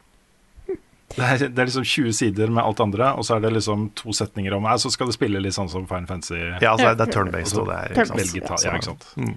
Men, men, det, men det, er jo det som er gøy, å designe liksom mm. verden og karakterer og sånn. Ja. Men jeg må jo si at vi, på dette tidspunktet her så er vi jo ikke engang halvveis i streamen vår. Så det er masse, masse gøy igjen. Så vi har sikkert masse gøye spill å snakke om neste uke òg, vil jeg tippe. Mm. Jeg ser Det kommer et spørsmål fra chatten her som jeg kan ta veldig kjapt. Om workshopen kommer på YouTube. Og det tenker jeg. Jeg tror jeg skal prøve å klippe den litt sånn ned. Bare få med alle tegningene, få med alt som kom inn. Og så lage en liten video ut av det. Yeah. Ja, det er kult. Det, det var litt gøy. Det var, det var sånn, jeg har lyst til å dokumentere det som skjedde der. Mm. Det var så holdsomt. Det var litt holdsom. Ja. Det, det, føltes så Jeg, jeg sa det i stad, jeg fikk litt sånn klump i halsen altså, av hvor, hvor gøy det var.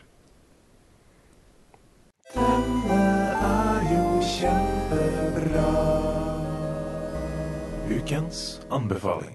Og nå i disse nedstengte tider så har Carl en ganske passende anbefaling. Ja, litt passende og litt topical, kanskje, fordi, fordi vi har jo brukt det nå denne uka her. Vi har streama. Det er et program mm. til PC som heter Parsec. Og grunnen til at jeg anbefaler det, det er at det er det beste jeg har kommet over som en slags erstatning for det å sitte i en sofa og spille spill med folk. Mm. For det det programmet her gjør, det er at du kan, bruke, du kan koble da PC-en din til Parsec, og så kan andre eh, som du spiller med, f.eks. på Discord eller hva som helst, koble seg på din PC. Og det blir da lest som en ny kontroll, eh, eventuelt et nytt tastatur hvis du vil heller bruke det, eh, som da blir kobla på din PC. Og det er null delay. Det er helt sjukt hvor lite delay det er. Jeg, jeg merker, altså det, det, var ikke delay når vi spilte både Scott Pilgrim og Streets of Rage på stream. Ja, det var ikke det, altså. Helt sant. Helt insane. Det var, det var, så smooth. Det var bedre enn alt av sånn der PlayStation Now og sånne streaminggreier jeg har vært borti før. Det var helt latterlig bra. Men det at, det at, du nå kan spille sofacoop-spill over nett, så lenge det er på PC eller en, eventuelt en emulator eller et eller annet sånt Jeg ser jo folk har spilt uh, Smash blant annet via en Dolphin-emulator. Um, wow. Og, og, det er så kult at det går an. Mm. Så um, Parsec er uh, din beste venn altså, når det kommer til det å sofa-coop-spille uten en sofa. Steam har jo bakt inn en ny samfunksjon funksjon. Hva er det den heter? Play Together? Er det den heter? Ja, den er ikke like bra. Nei. Det var det jeg tenkte å spørre om. Er Ja. den like bra? Ja, den, er, eller, den, den funker bra, den òg, men uh, der sliter vi en del med at uh, det går ikke an å spille mer enn to. For da begynner kontrollene å uh, fucke med hverandre. Mm. Og det problemet fikk vi litt med Parsec òg, men så lenge du bruker sånn party Hva heter det? Var det party det? Arcade. Heter det. Mm. Da kan du bli, bruke spillet med flere. Og da Så jo- så jeg Jeg ser eh, Altså, kvaliteten var kjempebra. Det var som å spille på min egen datamaskin. Ja. Jeg ser Dunkel Ben også spør jeg, hvordan var det med screenshare på kvalitet og sånn. Det, det ser veldig bra ut. Gjør det? Og du kan også justere kvaliteten eh, ut fra nettlinje og sånne ting. Og så tok det et par minutter å sette opp. Ja. Og det var ikke noe styr med at du måtte logge inn for å godkjenne terms and conditions for å så kunne starte opp PC-en din og greier. Nei. Du må godkjenne det mailen din. Det er vel det eneste Ja. du må gjøre. Ja. Så, eh, men det var, var supersmooth. en, eh, supersmooth. Så, så Parsec er MVP for eh, koronalockdown, altså. Mm, og så er det en annen stor fordel. da Mens du først er der for å spille, så kan du også finne ut uh, hva vennene dine har lagret på datamaskinen sin. Ja, du får jo sett Og- uh, ja, skrivebordet. Jeg, jeg, jeg skulle jo bare tulle litt, da. Jeg antar det ikke er sånn du kan begynne å grave deg inn i mappestrukturer og leite etter ting. Altså, og sånn. jeg, jeg, jeg trodde, trodde det var det du mente, og så skulle jeg være en del av vitsen, og så ødela jeg den. Sorry. Ja. Jeg kan forestille dere, dere som hører på, at dette var en veldig god vits. Ja, Veldig god vits. det er da, Men lo men, hvis du da har en mappe med superporn på, eh, på, på skrivebordet ditt, så kommer den til å være synlig. Her kommer og han har ikke hår. Den største nyhetssaken fra uka som har gått, har vi jo vært gjennom. GameStop-aksjen og de tingene der. Så hvis du hopper inn her for å få med deg de største nyhetssakene fra uka som har gått, så kan du da spole litt tilbake til starten av podkasten, hvor vi snakker om den. Så da begynner vi i Europa med eh, den europeiske forbrukerorganisasjonen, eh, BEUC, som nå har levert 25 000 skriftlige klager til Nintendo eh, pga. joycon-problemene som, som de har. Ja. Og Det det er snakk om, er jo drifting, særlig av den venstre joyconen. At den begynner å liksom bare leve litt sitt eget liv. Stemmer det? Uh, 1600 av de klagene er norske. Der eh, var vi ute og delte litt eh, link til det skjemaet som folk kunne fylle ut fra eh, Norske Forbrukerrådet uh, for et par måneder siden. Uh, og dette er jo eh, Det de vil, da, det er jo at Nintendo eh, fikser problemene med joyconen, for det første. For det andre at de reparerer eh, ødelagte eller drifte eh, joycons gratis. Og for det tredje at de informerer nye kjøpere om at dette kan være et problem. Så eh, får vi se, da. Nintendo har blitt bedt om å kommentere dette, bl.a. av Eurogamer. Men de sier vi kan ikke kommentere det fordi det er lignende søksmål på gang i USA også. Så de er midt i liksom rettssaker om dette her ellers. Eh, Så eh, ja, men det, dette er på en måte noe som jeg tror kommer til å også eh, gjelde Microsoft og Sony. Jeg har hatt problemer med drifting på min eh, eh, PlayStation 4-kontroller. Og mm. andre har hatt det på Xbox-kontroller. Så det er tydeligvis et problem å få den venstrestikka til å funke skikkelig. Veldig rart. Ja, det er kjemperart. Ja, jeg har bare opplevd det på Switch. Mm. Men det virker som Nintendo har vært veldig sånn De har kvia seg veldig for å kommentere det. Sikkert fordi da, Ja. så fort de kommenterer det, så blir det, da blir det ekte. Ja. Men, eh, men ja. Ja, det er gjerne sånn. Mm. Det har også vært et eh, lite sånn mini Resident Evil digitalt uh, event, hvor uh, lanseringsdatoen for Resident Evil Village ble kjent, og det er da 7. mai. Da ble det også bekrefta at det også da kommer til PlayStation 4 og Xbox One, i tillegg til da PS5, eh, Series S og X eh, og PC. De slapp da også, eh, under det eventet, en eksklusiv PlayStation 5-demo av spillet, og det har jeg spilt. Maiden.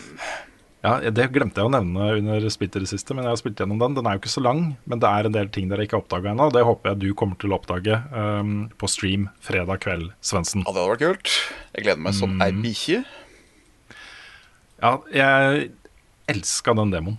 Det var uh, amazing. Og um, uh, jeg likte det jeg så enda bedre enn Resident Evil 7, faktisk. Jeg syns det var en del, en del med stemninga der de hadde naila enda et hakk bedre. da At det er high praise. Mm. Resident Evil 7 Så- var bra. Det var det. Mm. Dette Ja. er et spill jeg gleder meg til. Jeg har også fått mer lyst til å spille Resident Evil 8, men det er litt fordi Resident Evil 7 så så crazy skummelt ut, mens dette her er litt kulere. Det er litt mer sånn vampyrer og uh, litt sånn uh, viktoriansk gothic. Ja, settingen er veldig stilig. Ja. Ja, du våkner jo opp du, i en fengselscelle. Eh, litt sånn eh, Dark Souls fengselscelle. Den er, det er mur, og det drypper av veggene og sånt, men det som drypper fra veggene, er jo blod. Og det henger liksom menneskekropper og sånne ting, og det, det er tydelig, da. Og der blir det lagd vin av blod. Noen gjør det, da. Da skal du ut derfra, ikke sant. Åh, det er helt nydelig. Det ble også eh, presentert et eh, nytt multiplay mode, som da tydeligvis er en del av eh, Village. Jeg trodde først det var et standalone multiplayer-spill. Det er mulig at det også blir gitt ut med standalone, men eh, det heter da Reverse. Det er um, multiplayer for seks spillere. Det var mye Det så veldig sånn run and gun ut. At ikke det var eh, noe særlig mer enn det, men det så jo eh, ut som en litt sånn hyggelig bonus, da. Nick? Det var en, Ja, så kanskje. Det var en helt annen mode, da. For det var jo, hovedspillet er jo førsteperson, men dette her så ut som det var tredjeperson. Den er helt separat fra resten. Mm. Og her eh, blander du inn rollefigurer fra alle de tidligere Resident Evil-spillene. Um, også da rollefigurer som ikke er med i Village. Mm. Så litt mer sånn greatest eh, hits uh, multiplier-type ting. Veldig kult. Jeg har et lite problem her hjemme, og det er at jeg ikke har en mancave. Og det er noe jeg ønsker meg veldig. Du har en liten uh, man-nook. Ja. ja en liten man-krok uh, som, uh, som bare fungerer hvis ikke det er noen andre i uh, stua akkurat nå. Så, så jeg ønsker meg mancave. Da lurer jeg litt på, for jeg har ikke bil heller, jeg lurer litt på om jeg kanskje rett og slett skal bare kjøpe meg en ny Model S Tesla. Fordi nå kommer det da en oppgradering til den, Tesla Model S. Eh, hvor da også det som eh, jeg tror allerede eksisterer her, eh, Tesla Arcade, blir oppgradert. Og da sier da Tesla at her snakker vi om opptil 10 teraflops med data som kan brukes eh, til spilling. Eh, og du kan koble til eh, eh, spillkontrollere trådløst. Og bruke de skjermene som er i bilen, med en da en ganske sjukt kraftig spillmaskin som er sammenlignbart da, med Series X og PlayStation 5. Og en eh, veldig god gaming-PC. Så du får da Teslaen din blir en gaming-PC som du kan eh, bruke. som har gode skjermer og masse datakraft og sånne ting. Så um, um, ja, det kan bli gøy, det. Bilen din blir et leketøy. Ja, men hvor, hvor sitter da den skjermen? Fordi skjermen det, sitter ofte Skjermen i front. Ja, men Det er front og bak. Du har én skjerm i midten bak, og så er det én skjerm i midten foran. Så du kan sitte i alle seter da, og spille. ja, men jeg tenker du burde jo helst ha skjermen rett foran deg. Så da kanskje Ja, burde du sitte bak da. Carl. Frontruta er skjermen. Ja, frontruta burde jo vært skjermen, på en måte, Ja. men ikke når du kjører. da. Nei, nei, nei, Mm. det er farlig. Ja, det er kanskje, det er kanskje en litt dyr ma- mancave, men, uh, Jeg lurer på det. men det er litt sånn også når du kjøper en bil de, Biler koster jo gjerne et par hundre tusen eller 100 200 000 kroner. Det spørs liksom hvor ny den skal være og greier. Ja, det spørs jo selvfølgelig. Hvis du skal kjøpe en relativt ny bil, da, så må du opp i en ganske stor sum uansett. da. Og det å legge til liksom kanskje 10 000 da, for en gaming-PC, at den også er en gaming-PC, det blir ikke så ille, ikke sant? Prosent, uh, prosentvis av kjøpsummen. Ja, det, bare, Jo det spørs om du kanskje må ut med litt mer for Teslaen, da. Ja, ja, ja. Det får, ja, ja. Det får gå. Ja, Ja, jeg kommer ikke til å Det kjøpe, er sikkert en sånn. Det altså. er jo sikkert da. Ja, jeg kommer ikke til å gjøre det også, men, uh, men det, jeg syns det var litt festlig å tenke på, da.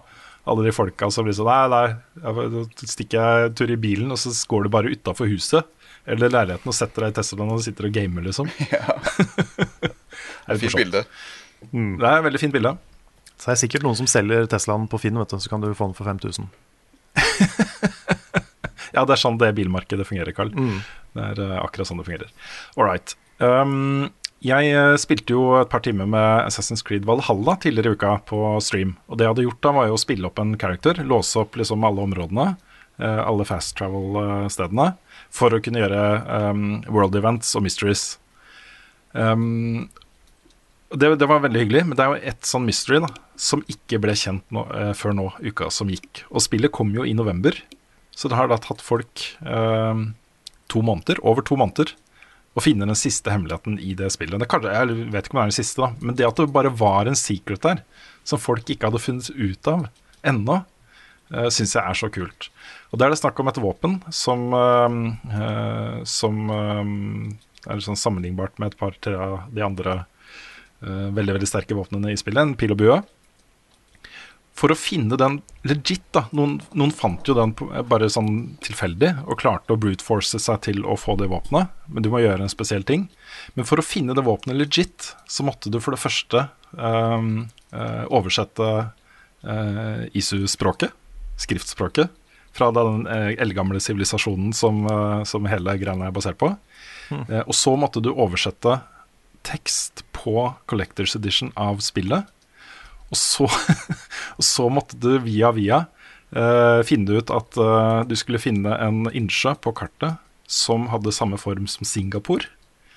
Og da, for å finne det spesifikke, spesifikke punktet, så måtte du finne ut hvor Ubisofts kontor i Singapore ligger, og gå til det punktet da, på den formen eh, for å finne den greia. Og så måtte det være en spesiell tid på døgnet, og da måtte du sette sammen tre sånne eh, litografier, sånne kort, bilder, for å finne ut at ja, det er når sola går ned. Det er bare da, liksom. Akkurat når sola går ned, så kan du få tak i det våpenet her.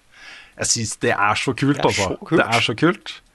Og da de fant dette her eh, ved en tilfeldighet, da, uten at eh, man hadde gjort alle disse skrittene, så var jo Ubisoft ute og sa at ja, det er noen som nesten har klart å finne det ut. Det er en legit måte å finne dette her på. Og da, det var da de satte seg i høygir og begynte å, å komme fram til dette her, da. Fikk et par hints fra Singapore-kontoret og sånne ting, ikke sant. Så eh, jeg syns det der er så kult, altså. Det er skikkelig, skikkelig stilig. Det er gøy da hvis den bua suger. Men den gjør jo ikke det, vet du. Det er et isovåpen-card. Ja, ja, men det er kult. Mm. Det, hmm. Så er det da fire ISO-våpen i spillet, og det er, eh, det er stilig også. Og så har da også EA oppretta et eh, nytt uh, selskap, Uh, og det er bare for å lage det nye Skate-spillet.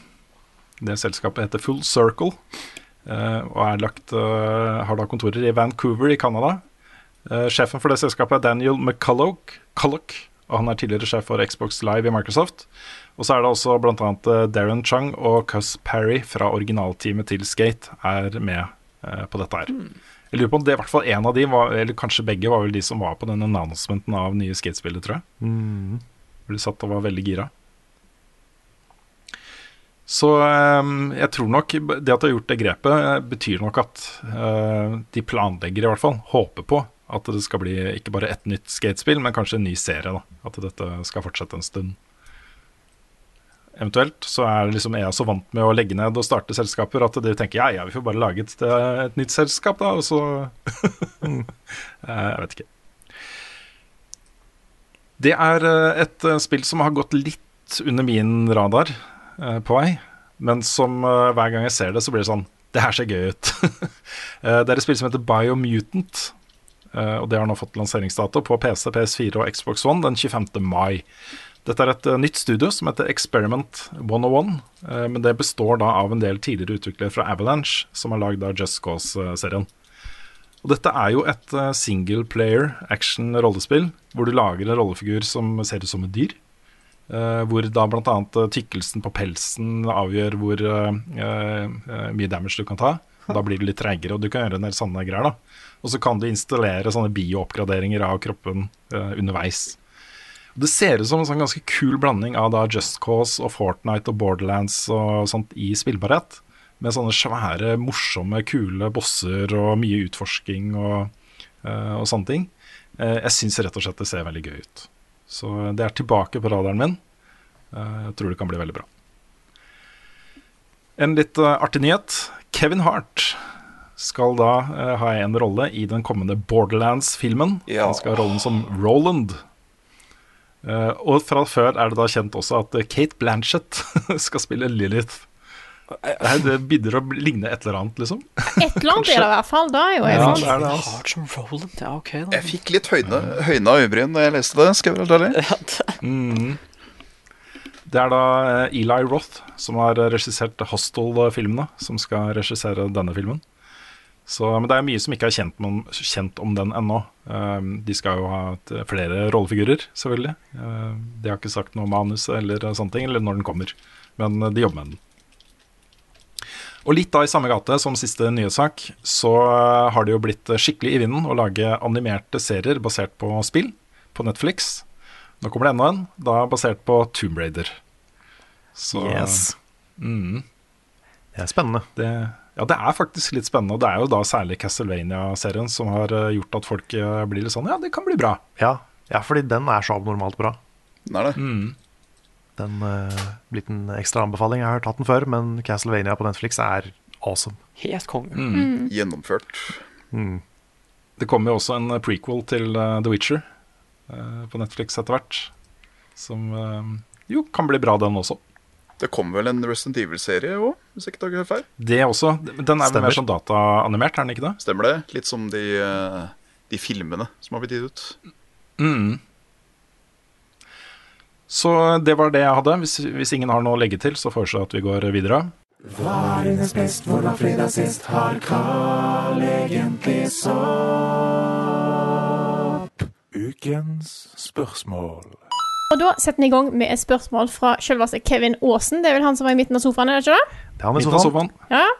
Eh, han spør hva har dere gjort for å overleve isolasjon. Sitter i karantene nå, så vil ha tips. Og det er jo en stor del av Norges befolkning som akkurat nå ikke kan bevege seg så mye ut forbi. Så sant.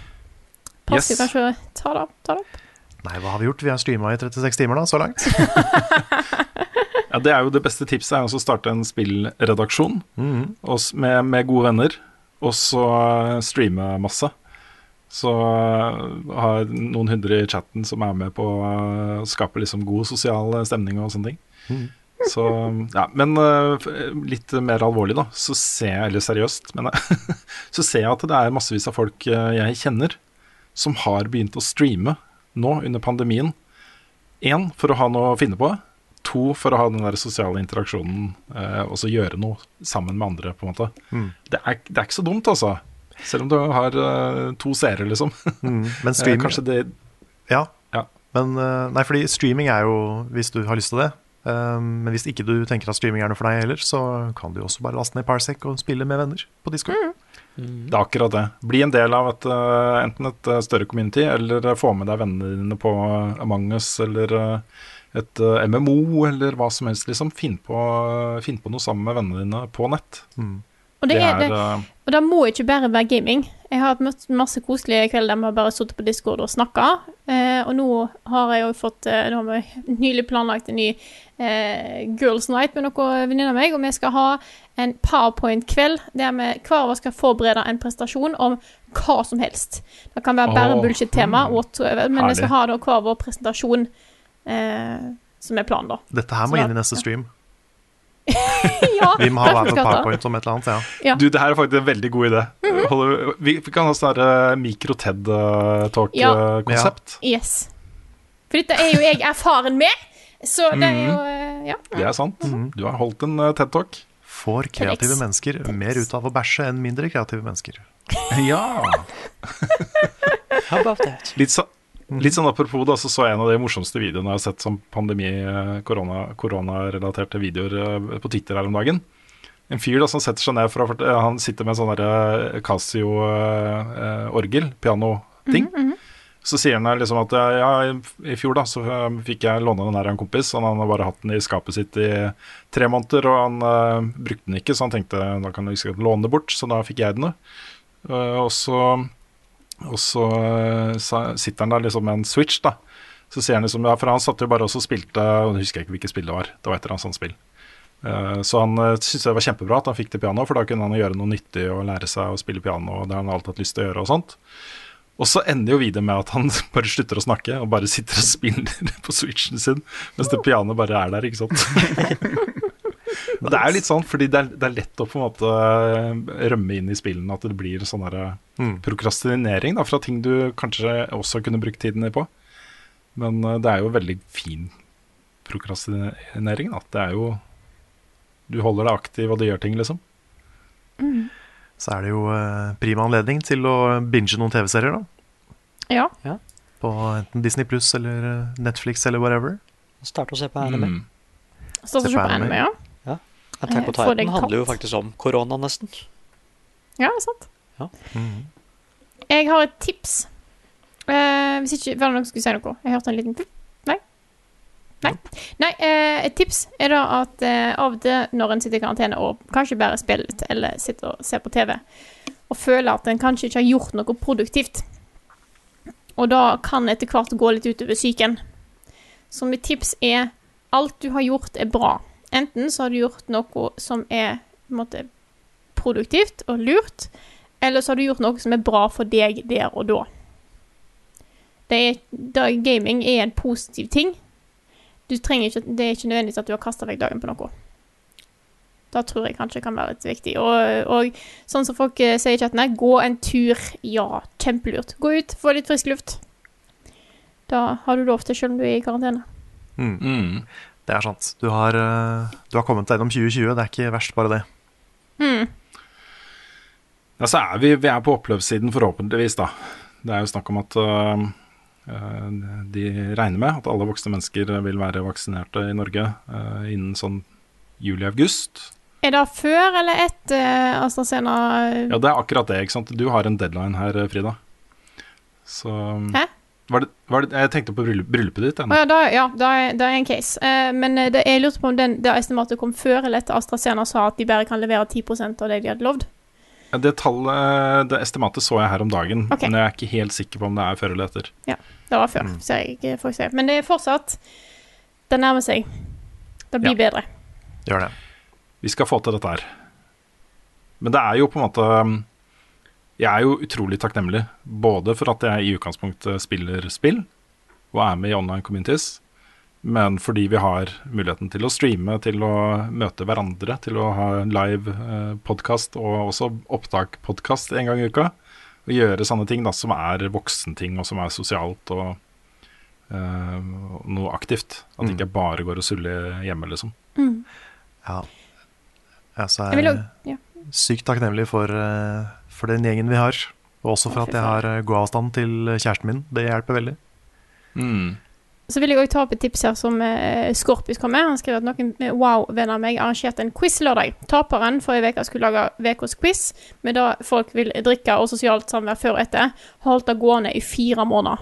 Å, så Ja. kos. Mm.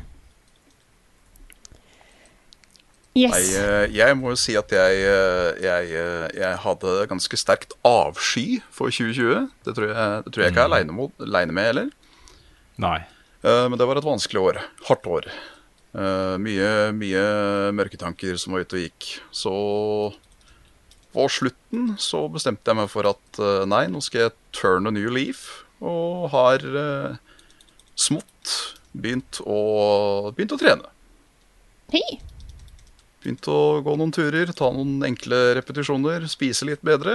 Og har dertil òg begynt å gå ned ganske betraktelig i vekt. Det, det har gitt meg en boost i, eh, i denne ja, aleinetida, kan du si.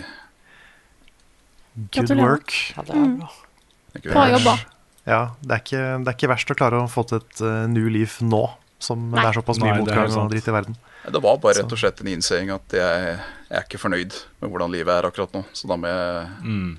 da må jeg rett og slett bare prøve å gjøre det beste ut av det sjøl. Det er ingen andre som eh, kommer til å gjøre det for meg.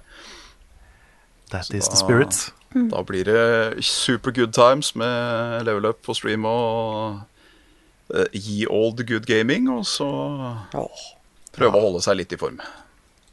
Det er eh, veldig veldig kos at du er med så mye nå, Svendsen. Det er eh, Ja. megakos. Er, Jeg har blitt så fascinert av den der sykkelen til eh, Joe Biden, ja. Hva er den heter den? eh, paleo... Nei.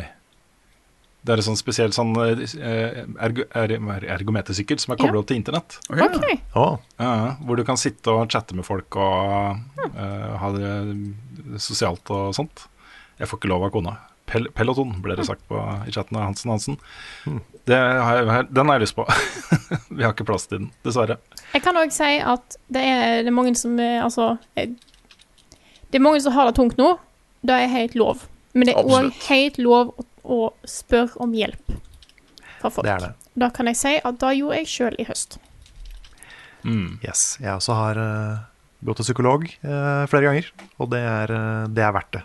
Og man, Det betyr ikke at man er gæren eller at man har feila som Nei, nei, menneske nei. om man ber om hjelp. i Det hele tatt Det er eh, heller bare et eh, tegn på at man tar sin egen helse på alvor. Det er Og så er det bedre det. å ta det før det blir helt krise òg. Ja. Og, eh, og jeg ser flere i chatten nevner Ring Fit Adventure. Det er faktisk ikke tull. Ass. Det, er, Nei. det er kjempebra. Can, uh, can recommend.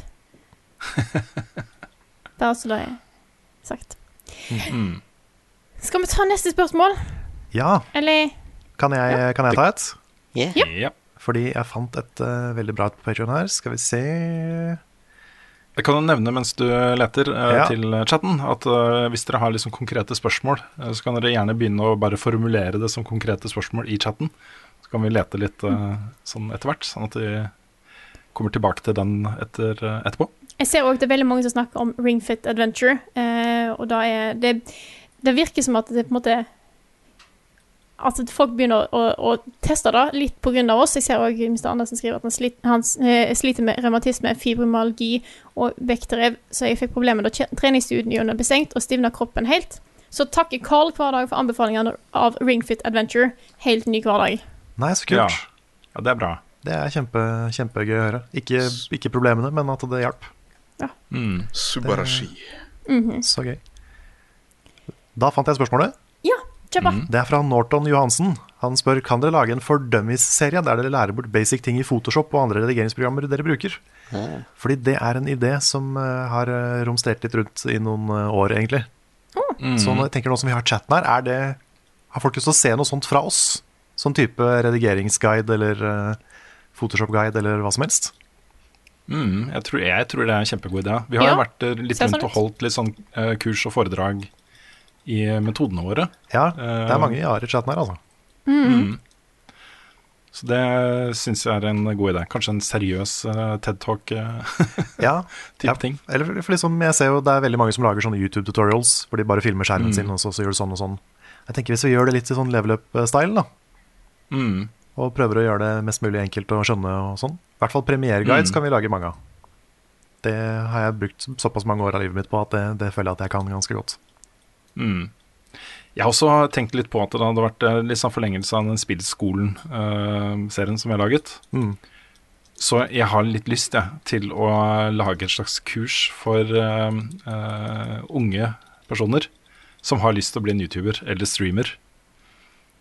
Og det er rett og slett av en eneste grunn, og det er bare for å liksom hamre inn den derre Ikke gjør det for å bli kjent, liksom, og stor og for mange tjener masse penger og sånt. Mm. Gjør det fordi du syns det er gøy å spille de spillene du har lyst til å spille, og ha det morsomt, og være opptatt av å lage bra innhold. Bare hamre inn den, da, eh, så tidlig som mulig.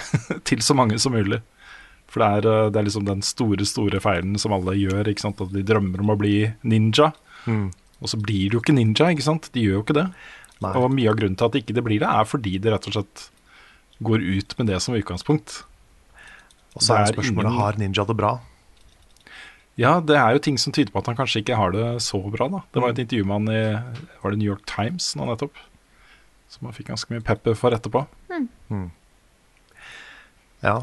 Um, det var et eller annet jeg skulle si, men så forsvant det. Men um, vi kan gå videre. Ja. Jeg har funnet et spørsmål der som har dukket opp i chatten. Dette er jo litt relatert til Patrion-måla som vi har, og vi nådde jo et av målene i høst.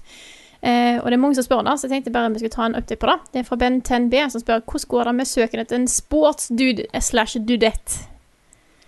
Der vil det komme ut en utlysning uh, snart. Mm.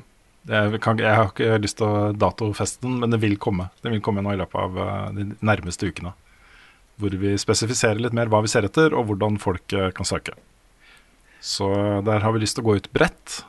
Og mm, det, det er litt sånn at vi, vi kommer ikke til å velge noe bare for å velge noe heller. Vi er jo på jakt etter en uh, som ikke nødvendigvis er ferdig utvikla som anmelder, men som har det potensialet da, som uh, gjør at, eh, at vi kan ha lang sikt på det. Mm. Så eh, det er veldig spennende. Det er alltid litt skummelt å utvide et, et tight ship. Et tight team med folk som kjenner hverandre godt og eh, mesher godt sammen. Mm. Men det er på tide. Jeg kom på nå hva jeg skulle si i stad. Ja. Uh, apropos det å starte en ny kanal og begynne å streame og sånne ting. Jeg tenkte jeg skulle nevne at jeg begynte jo med YouTube i 2006, da YouTube var ganske nytt.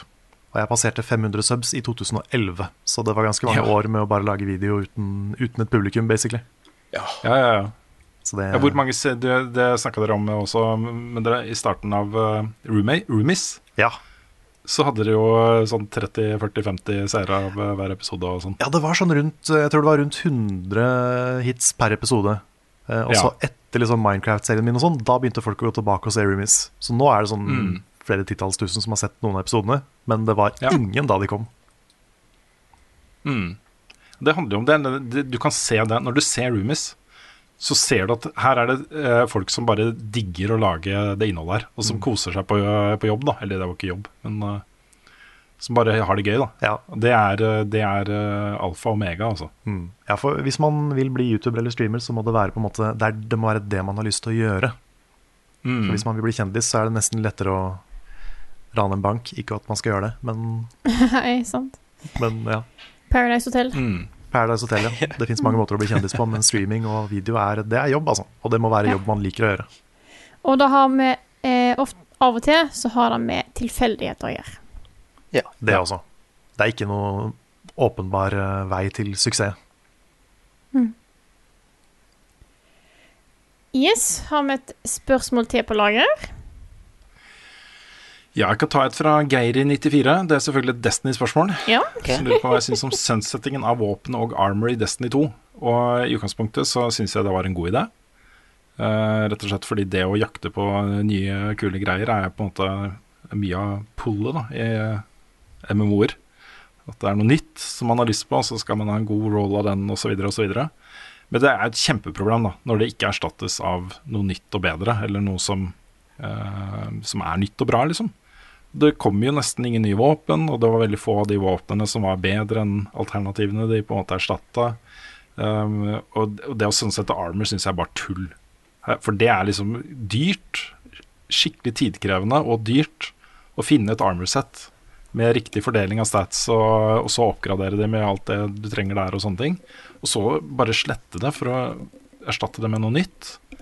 Um, det er litt rart, særlig nå som det kommer transmog eh, om et par sesonger også. For da er det liksom Da handler det jo mer om å bare Det nye du får, er eh, et nytt utseende på noe du har samla fra før. Så akkurat den armor-biten tror jeg de kommer til å gå bort fra. Eh, De kan ikke gjøre det akkurat nå. De må gi folk god varsel. Fordi det er jo massevis av folk som har sletta Sitter jo og griner ikke sant, ved hvelvet mens de sletter favorittarmen sin, for de kan ikke bruke det lenger. Da kan de ikke bare si 'nei, forresten, du kan bruke det allikevel'. der blir det bare enda verre. Så de har gravd seg ned i et lite høl der, altså. Det har de. Jeg ser det er flere spørsmål her. Skal, kan jeg ta et fra chatten? Yes. Ferris Wolf spør Rune og Carl kan dere forklare forskjellen på en uh, terningkast 6 og 10 av 10. Det største forskjellen er vel bare at 10 av 10 er enda litt høyere. Ja.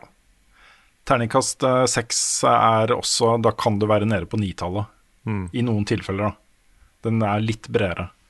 Det er jo rett og slett fordi den skalaen er mindre. Den er jo eh, seks tideler av en én til ti-skala. Og da er på en måte hver karakter favner da bredere. Den favner over mer av eh, en større del av tida, eh, tierskalaen. da. Så sånn i utgangspunktet så ser jeg liksom for meg at terningkast én og én av ti er det samme. Og så er uh, terningkast to det er to og tre av ti. Terningkast tre er uh, fire og fem. Terningkast fire er seks og sju. Terningkast fem er åtte og ni. Og terningkast seks er ni og en halv og ti. Ja, det høres riktig ut. Det er- ja. Så det er riktig at uh, hvis folk har antatt at det å få en sekser er lettere enn å få en tier, så er det helt riktig. Det er helt Mm. naturlig. Yes. Yeah. Ser dere noen spørsmål dere vil ta? Jeg har et spørsmål fra discorden som jeg har lyst til å ta. Ok. For jeg syns, gjør det. jeg syns det, er, det, er, det er en festlig historie her. Uh, og de som byr på seg sjøl. Det er Jannicke som skriver at av og til kommer jeg over spill som jeg blir veldig oppslukt av. Belønningssenteret i hjernen eksploderer, og jeg kan ikke få nok. De siste åra har jeg merka at noe rart skjer i disse periodene. Første gang var i 2018 med Breath of the Wild. Jeg hadde endelig fått kontroll over styringa i spillet, og etter å ha gitt opp mange ganger. Jeg ble helt oppslukt, og alle drømmer handler om eller er satt i Hyrules rike. Jeg slåss, tar ned beasts og skyter ting med pil og bue. Helt til jeg våkner av at jeg står kliss naken foran det åpna vinduet i hybelen til kjæresten min og sikter på noe med bua mi ut vinduet. Oi, oi, oi. Av og til får jeg med meg at disse tingene skjer, men jeg har ikke kontroll over hva jeg gjør. Så kom Red, Red, Red Dead Redemption 2. Før dette likte jeg å spille spill, men hadde unngått spill som dette og Zelda fordi jeg syntes kontrollerne har vært vanskelige. Jeg ble helt oppslukt og kunne ikke tenke på noe annet enn gunslingers og jakting av leg legendariske animals. Så eh, jeg skulle ta Master Hunter Challenge. En del av denne challengen er å drepe x antall pumaer med pil og bue. Dette er altså så vanskelig ettersom pumaene gjerne spåner bak deg i de minst beleilige situasjoner, og lager ikke en lyd før du har de i nakken. Gang på gang i drømmene mine kommer pumaene uvarsla, og jeg dør. Flere netter etter dette våkner jeg og at jeg forsøker å trykke inn riktig knappkombinasjon for å få slow motion vision. Da er det nemlig mye lettere å ta de. Jeg tror kanskje det hele topper seg i natt. Jeg har nylig begynt å spille Warzone med samboer. Eh, han har levela opp siden kjærestestatus i 2018, og noen venner av han. Xbox-kontrolleren er for treg, så jeg lærer meg å bruke mus og tastatur. Dette har egentlig gått overraskende bra.